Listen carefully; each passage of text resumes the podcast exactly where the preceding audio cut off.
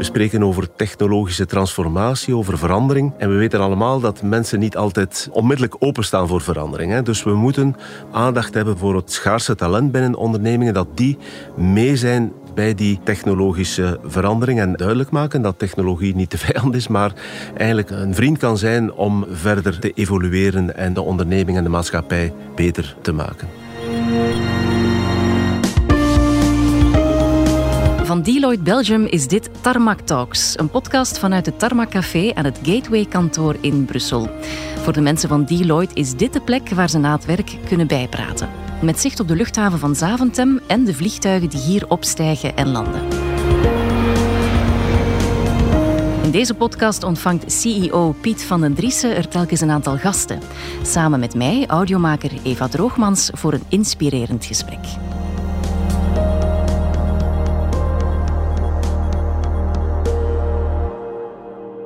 Dag Piet. Dag Eva. Hi.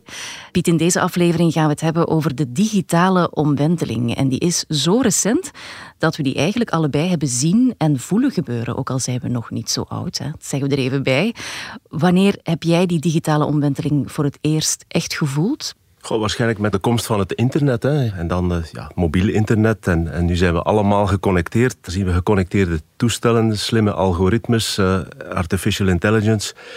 Dus uh, de komst van de smartphone, denk ik, uh, dat is nog maar 15 jaar geleden. Hè. De eerste iPhone was toch wel um, ja, iets wat een echte gamechanger was in de digitalisering voor de, voor de, voor de consument dan. En de verschillende apps. Um, ja, en misschien toch ook wel de shift van het fysiek winkelen naar het online shoppen. Dat is toch ook wel een heel grote verandering die nog altijd bezig is. En die digitale omwenteling, die hebben jullie waarschijnlijk tijdens de pandemie ook wel goed gevoeld. Ja, absoluut. Ehm, bij Deloitte zijn we op één week tijd moeten overgaan van het normale werken naar het volledig eh, virtuele werken. En ik had nooit gedacht dat wij zo snel zouden kunnen de shift maken. En dat wij zouden ja, onze cliënten bijstaan bij het implementeren van SAP volledig virtueel. Dat wij zouden audits eh, aftekenen volledig virtueel. Dat wij belastingcontroles zouden eh, meemaken volledig virtueel. En ga zo maar door. Ja, zowel onze klanten als onze medewerkers zijn hier bijzonder eh, wendbaar geweest om dit allemaal mogelijk te maken. Mm gelukkig ook maar. Hè. Waarom wil je het eigenlijk graag over die digitale omwenteling hebben in deze podcast? En wat wil je precies te weten komen? Goh, technologie is toch wel niet meer weg te denken uit ons dagelijks leven. En het belang ervan groeit nog altijd exponentieel. En ik zie dat bij onszelf, maar ook bij onze klanten. De aandacht voor digitalisering en de transformatie dat dit met zich meebrengt voor elke organisatie, zowel ja, voor de organisatie aan zich, maar ook voor de mensen die hier werken, is toch echt wel uh, fundamenteel en niet meer weg te denken. En ik ben ook ervan overtuigd dat technologie nodig zal zijn om de vele grote uitdagingen die we als maatschappij, als uh, burger op deze wereldbol zullen moeten tackelen, dat technologie daar een fundamenteel uh, ja, onderdeel van de oplossing zal zijn. denk maar aan de opwarming van de aarde. We zullen ons gedrag moeten aanpassen, maar we zullen vooral moeten zoeken naar de juiste technologische oplossingen. Zeker, en dan hebben we ook mensen nodig met kennis van zaken. Zoals in elke aflevering van deze podcast heb je ook vandaag iemand uitgenodigd om daarover te praten. Wie is dat deze keer? Wel, ik ben heel blij dat we Luc van den Oven mogen verwelkomen. Luc is voorzitter en CEO van IMEC. IMEC eh, behoeft niet zoveel introductie, hoop ik. Het onderzoekscentrum toonaangevend in de wereld gefocust op chiptechnologie. En als het over chips gaat, dan is IMEC toch de referentie. Niet alleen in Vlaanderen, maar in de wereld. En ja, Luc is een begeesterend spreker die heel wat kent over innovatie en digitalisering. En ik ben heel blij dat hij bij ons is. Maar ik zal misschien Luc iets meer laten vertellen over al zijn passies, uh, beroepshalve dan. Ja, lijkt me een goed idee. Dag Luc, welkom. Hallo. Fijn dat je er bent. Uh, Luc, wie wel eens in Leuven komt, die kent IMEC van de IMEC-toren. Dat is echt wel een landmark. Ik ben nu wel curieus. Heb jij je kantoor in die toren? Ja, ik heb mijn kantoor daar. Die toren heeft inderdaad wel sterk bijgedragen om onze bekendheid bij de lokale bevolking te vergroten. Ja, Piet omschreef jullie al als onderzoekscentrum, een wereldvermaard onderzoekscentrum. Wat is het nu juist wat jullie doen? We zijn al uh, jarenlang bezig, 38 jaar geleden gestart. En eigenlijk is de core van wat we doen is onderzoek en ontwikkeling op die chiptechnologie.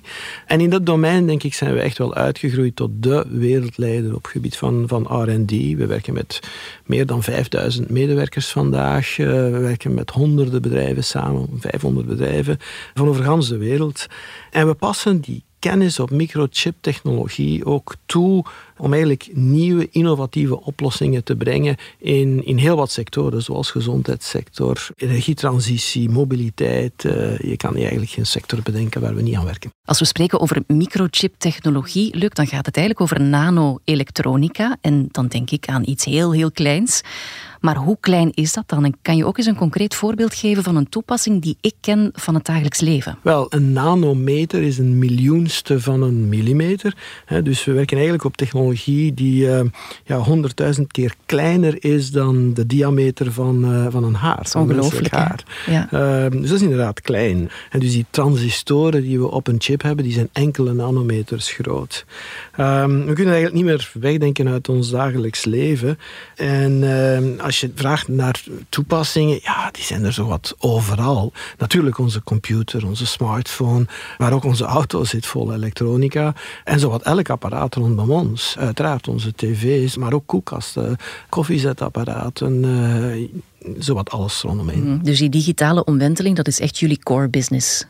Ja, en we zijn net zoals uh, Pita net zei, wij zijn er echt van overtuigd dat die technologie zo belangrijk is om een aantal van onze grote sociaal-maatschappelijke problemen mee te helpen oplossen. De voorbije twee jaar hebben we gewerkt aan technologie om bijvoorbeeld COVID te capteren, het virus te capteren op een chip en, en op die chip dan in minder dan 15 minuten een PCR-test te doen. Het is dit soort technologie die we willen klaar hebben wanneer er volgende pandemieën gaan uitbreken. Mm. Maar denk bijvoorbeeld ook aan hersenziektes. Hersenziektes is een, een enorm grote uitdaging voor de maatschappij. Dementie, Parkinson, Alzheimer. Uh, en dat gaat enkel maar toenemen. Het grote probleem bij, bij die hersenziektes is dat we eigenlijk nog in de kinderschoenen staan. In de zin van begrijpen van hoe onze hersenen werken. En uh, we hebben recent ook uh, technologie ontwikkeld om veel beter de werking van de hersenen te kunnen analyseren. We hebben zo samen met eh, een aantal partners, een aantal eh, klinische partners, een neuroprobe ontwikkeld, waarmee we meer dan 10.000 neuronen tegelijkertijd kunnen opvolgen gedurende verschillende maanden. En wat is een neuroprobe? Dat is een hele fijne naald waar je dus duizenden van die elektrodes op hebt die je kan implanteren in de hersenen en op die manier dus contact maken met alle neuronen en eigenlijk die processen die in de hersenen plaatsgrijpen, hoe neuronen met elkaar communiceren, om dat eh, in kaart te brengen. Die neuroprobes zijn absoluut het neusje van de zalm eh, in neurowetenschappelijk onderzoek en worden nu gebruikt in meer dan 650 laboratoria door verschillende Nobelprijswinnaars over de wereld. Uh, we zijn zo de de facto standaard geworden. Mm -hmm, fantastisch.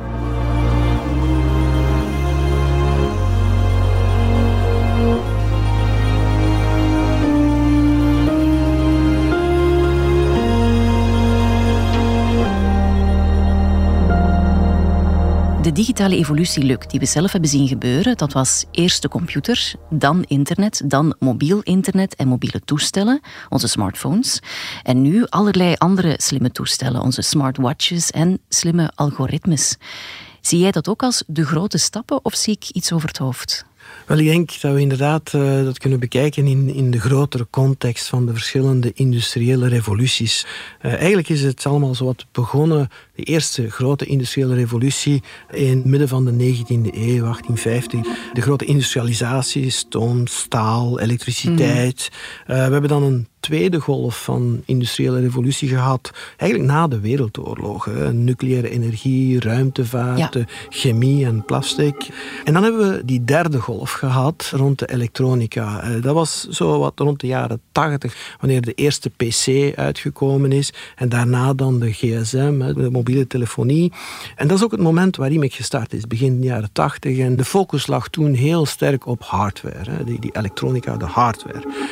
En dan hebben we de evolutie gehad geleidelijk aan meer en meer in de richting van, van de software en de applicaties. Dat was zo rond de eeuwwisseling. Ik zou zeggen dat is de vierde grote golf. Ja. De app-economie, de dotcom-revolutie. En dat is dan geëvolueerd naar de cloud. Mhm. En nu, heel recent, zijn we in, denk ik, zo de vijfde golf. Hè, waar we eigenlijk die innovatie van hardware en software moeten bij elkaar brengen.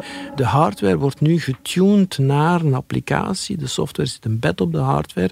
En je ziet dan met die hardware-software co-innovatie, als we sensoren ontwikkelen voor bijvoorbeeld de gezondheidstoepassing waar ik het daarnet over had, eh, dan moet je die echt wel optimaliseren voor die toepassing zelf. Hè.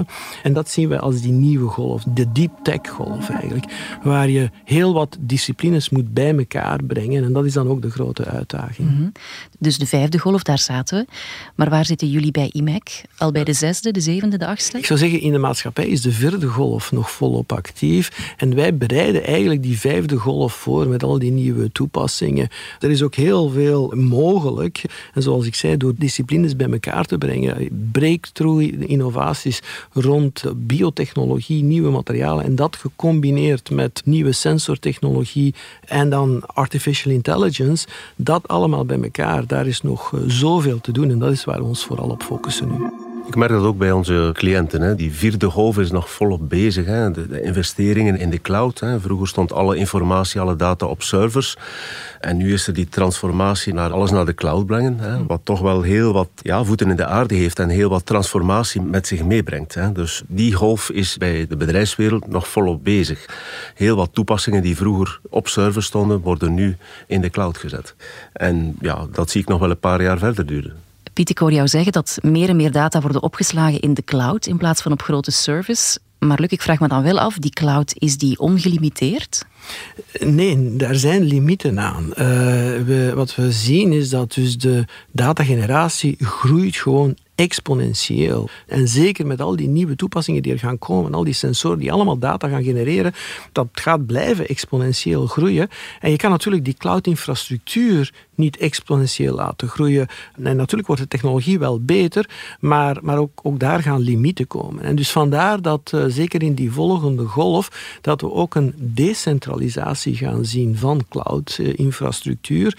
En ook al die sensoren en al die toepassingen gaan zelf ook intelligent worden. En we gaan heel veel van de artificial intelligence algoritmen ook gedecentraliseerd implementeren, kort bij die sensornodes. En je gaat dus een combinatie zien van een groeiende centrale cloud, maar ook een decentrale implementatie van bijvoorbeeld artificial intelligence. Daar zit denk ik ook een aspect in van beveiliging. Hè. Toch wel een bezorgdheid die bij heel wat bestuurskamers op nummer 1 staat. Hè. Door alles in de cloud te brengen ja, stel je jezelf eh, toch voor een stukje kwetsbaar op. Dus de aandacht voor cybersecurity is ook bij onze dienstverlening eh, exponentieel toegenomen. Omdat men het ziet als een van de grootste risico's die een onderneming kan lopen in deze tijden. Ja, dat is inderdaad enorm belangrijk. En ik verwacht daar eigenlijk twee, twee grote trends. Enerzijds ga je dus op cloud-niveau verschillende niveaus van security krijgen. Clouds die extra beveiligd zijn, ook die op verschillende locaties geïmplementeerd worden met verschillende beveiligingsniveaus maar anderzijds, eh, zoals ik net al zei, ga je ook gedecentraliseerd data bewaren. Zeker die data die zeer uh, gevoelig is, uh, zeer confidentieel is. Bijvoorbeeld in de gezondheidszorg. Mhm. En dus vandaar dat je een gecombineerde oplossing hier gaat zien. Ja, wat bedoel je nu precies, Luc, met gedecentraliseerde dataverwerking in de gezondheidszorg? Wel, zo werken wij bijvoorbeeld aan persoonlijke datakluizen ook, waar data op persoonlijk niveau bewaard wordt en waar de patiënt zelf zal kunnen beoordelen wat vrijgegeven wordt en wat niet. Oké.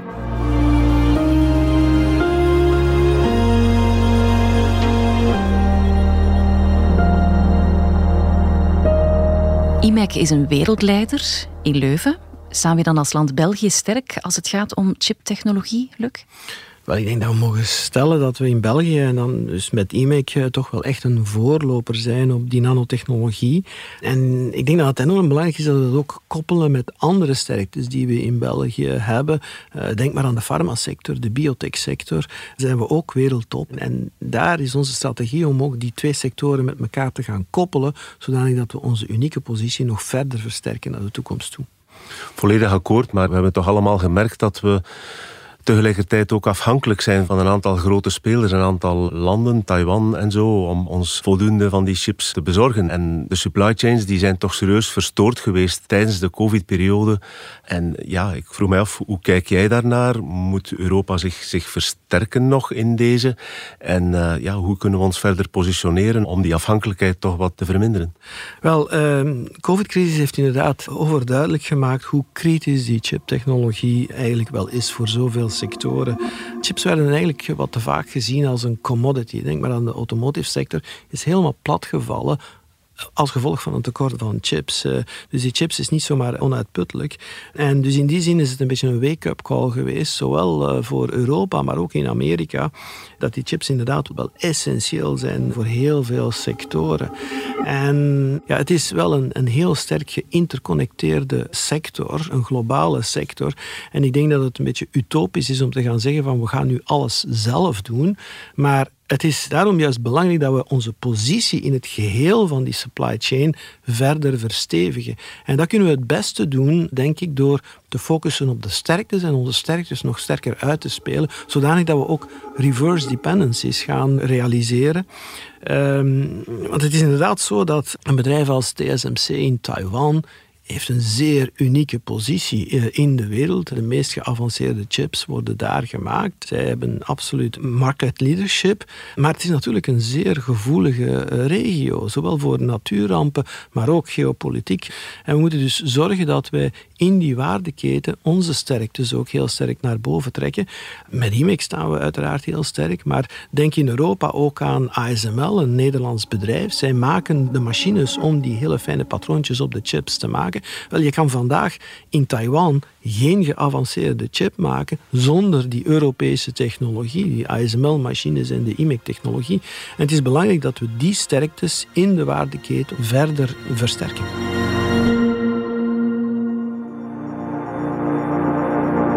Mijn naam is Tim Paridans. Ik leid onze Internet of Things dienstverlening voor Deloitte. We zijn uiteraard zelf bezig met het kijken van wat betekenen die nieuwe technologieën voor de klanten die wij bedienen. Wat betekent 5G? Wat is het businesspotentieel daarvan? Wat betekent Internet of Things? Wat betekent AI, data, cloud enzovoort? Dus Deloitte is daar om te helpen om technologie te begrijpen, om het volledige model rond die technologie te begrijpen en hoe het past in de processen van de onderneming zelf. En dan te helpen met opschalen van die technologie doorheen de hele organisatie. Om een voorbeeld te geven hiervan, iets wat veel mensen niet weten, is hoe glas wordt geproduceerd vandaag. Glas gaat eigenlijk, of de grondstof van glas, zand, gaat in een zeer grote oven. En die oven heeft enorm veel energie nodig. En dan spreken we toch over 200.000 euro per dag om gewoon die oven tot leven te houden. Dat moet warm blijven op de ideale temperatuur, want als je die gaat afkoelen, dan breken er eigenlijk componenten van die oven. Dus nu, door data te gebruiken, kan je eigenlijk zien wanneer die oven moet worden gestookt tot een bepaalde temperatuur en op welke manier dat impact heeft op het proces van glas maken. Doordat we daar algoritmes hebben losgelaten, zijn we erin geslaagd om de energie te gaan reduceren met 15%. Dat gaat minder gas verbruiken, gaat sowieso minder elektriciteit nodig hebben om heel die fabriek tot leven te houden. En uiteindelijk in de CO2-uitstoot van die fabriek is dat een enorm groot verschil. Dat we de ovens niet continu moeten laten draaien, maar eigenlijk echt enkel op de momenten dat het proces moet produceren. Um, en dat is voor ons allemaal belangrijk. Een ander project waar we aan gewerkt hebben, is uh, Future of Foods. We hebben gewerkt rond continue glucosemetingen. We hebben eigenlijk gebruik gemaakt van sensoren die we op de arm hebben geplakt, waar een klein naaldje in zit, die continu de suikertoestand in het bloed gaat meten. Daardoor hebben we kunnen zien dat sommige mensen bijvoorbeeld niet zo goed eten, te vroeg eten, te laat eten, de verkeerde dingen eten. Maar we zijn ook erin geslaagd om onmiddellijk advies te geven, via een diëtist uiteraard, over hoe dat hun consumptiegedrag kan veranderen. Daardoor hebben ze beter begrip van hoe voeding hun dagdagelijkse activiteiten uh, echt impacteert. Waarom dat ze na een zware maaltijd bijvoorbeeld niet meer geconcentreerd kunnen staan voor een groot publiek. Of dat ze een klein beetje moeten gaan bewegen nadat ze iets hebben gegeten om plots dat concentratieniveau terug naar boven te brengen. Mochten we allemaal veel beter weten wat de impact van voeding is op ons dagelijkse welzijn, dat zou een grote vooruitgang zijn voor onze maatschappij. IMEC helpt de tools ontwikkelen die de digitale revolutie nodig heeft. Bij Deloitte, Piet, helpen jullie bedrijven en partners om met die digitale omwenteling om te gaan en hun bedrijfsvoering daarop aan te passen. Hoe ziet die revolutie er aan jullie kant uit? Maar er is een goede strategische begeleiding nodig bij ondernemingen om hen te helpen de juiste keuzes te maken. Ja, het kiezen van de juiste technologie is toch wel eh, ja, belangrijk omdat technologie natuurlijk heel duur is en meestal een investering is voor vele jaren. Wij doen dat niet alleen, we doen dat in partnership. Um, en, en er zijn vele spelers in deze technologische wereld, grote spelers, maar ook uh, ja, veel kleinere spelers, start-ups, scale-ups, die, die heel specifieke technologieën hebben ontwikkeld. En het is kwestie van die ecosystemen allemaal bij elkaar te brengen om tot de juiste oplossing te komen. We spreken over technologische transformatie, over verandering. En we weten allemaal dat mensen niet altijd onmiddellijk openstaan voor verandering. Hè. Dus we moeten aandacht hebben voor het talent, het schaarse talent binnen ondernemingen, dat die mee zijn bij die technologische verandering. En duidelijk maken dat technologie niet de vijand is, maar eigenlijk een vriend kan zijn om verder te evolueren en de onderneming en de maatschappij beter te maken. En jullie zetten ook in op iedereen aan boord houden, hè? om elk talent te benutten dat er is. Wel, absoluut. Ik denk dat het belangrijk is binnen elke onderneming dat als daar technologische veranderingen zijn, dat we duidelijk maken dat er niemand uit de boot valt.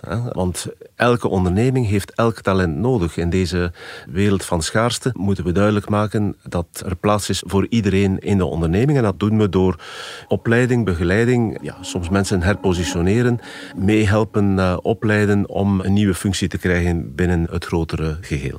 Je hoort wel eens dat de technologische vooruitgang op limieten botst. Gaat alles blijven versnellen, Piet? Of kunnen we ook vertraging verwachten, denk je?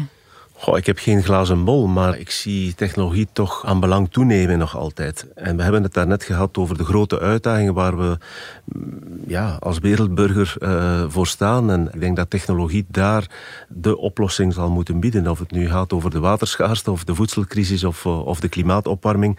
Maar ook ja, de, de kleine problemen van de mensen. Dus in die zin denk ik dat we moeten verder blijven investeren in technologie en ook in het creëren van goede mensen die, die die oplossingen die wij nodig hebben mee kan helpen ontwikkelen. We hebben het in een vorige podcast gehad over stemprofielen en de nood daaraan. Dus toch nog even dit onder de aandacht brengen. De nood aan eh, de juiste profielen om mee de oplossingen van morgen te helpen bedenken. Ja, ik ben daar helemaal mee akkoord. Hè.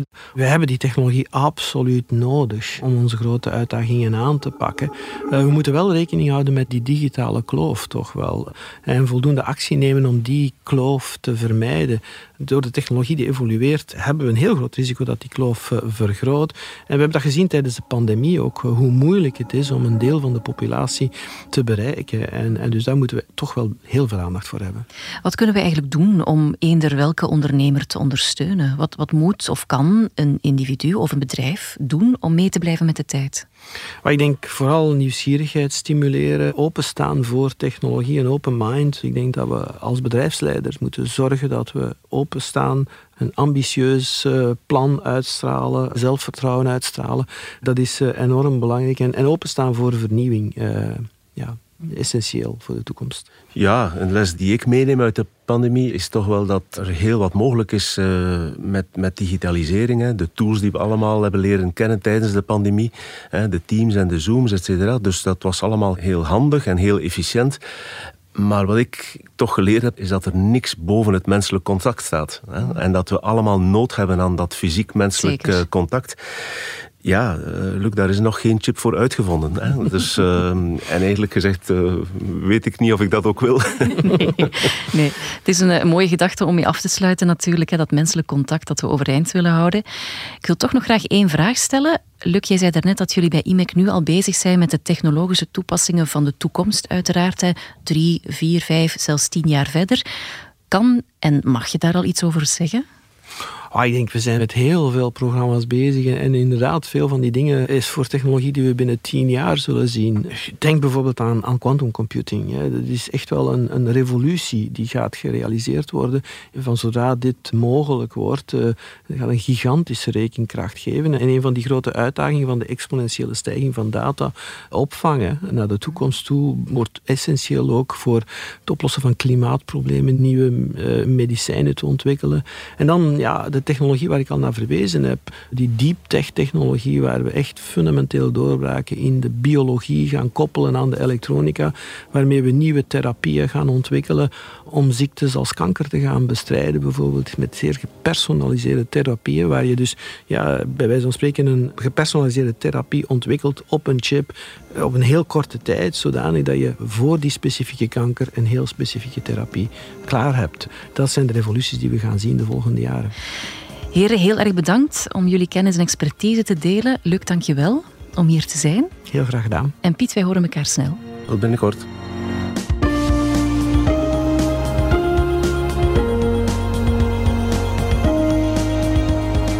Dit was Tarmac Talks van Deloitte vanuit het Tarmac Café.